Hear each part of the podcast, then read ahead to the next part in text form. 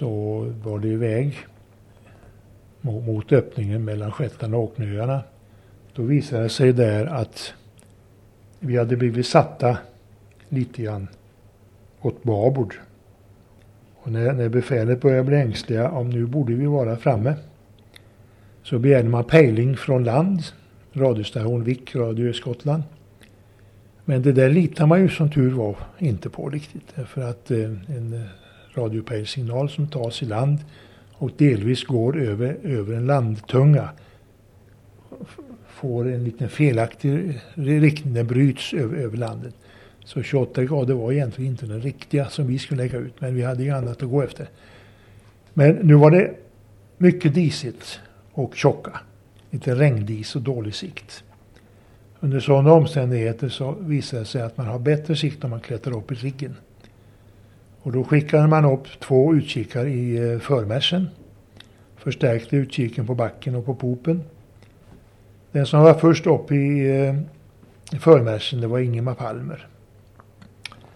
Och när han kommer upp och upp i mässen och vänder sig förut, vad ser han då? Jo, han ser land rätt förut på cirka en à två sjömils avstånd. Och slår naturligtvis larm omedelbart land föröver. Och nere på däck blev det ju en villevalla. Men fullt, fullt i ordning. Befälhavaren, kapten Broman, han var en lugn och sansad man. Han fattade situationen med detsamma. Beordrade styrbord. Man brassade om fort. Och eh, styrde en nordlig kurs ett tag. Hade man fortsatt så hade Viking inte funnits en kvart efteråt. Det var i sista minuten allt det hände. Kolugnt navigerade kapten Broman upp nor norröver. Och när vi närmade oss Åknöarna så bar det av rätt västerut i fritt vatten och ut på Nordatlanten. Men sen börjar ju den verkliga cirkusen när vi kommer ut.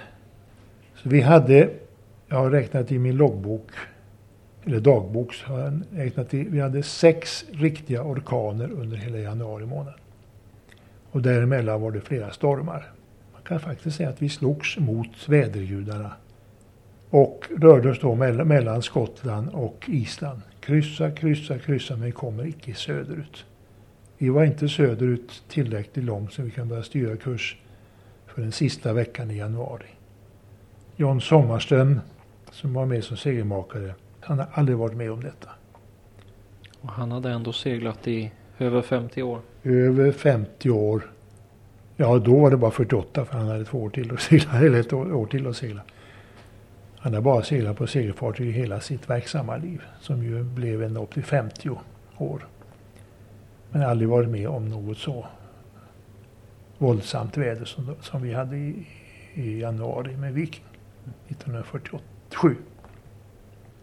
En utav passagerarna, Linda Helenius, har eh, beskrivit i sin dagbok som hon, sen, som hon har skickat hem till sin syster i Finland och systern lät publicera vad, vad hon eh, berättade. Järnvajrar slets av, katastrofalt för ett segelfartyg. Segel flög i stycken. I riggen ven det och visslade, slog och suckade.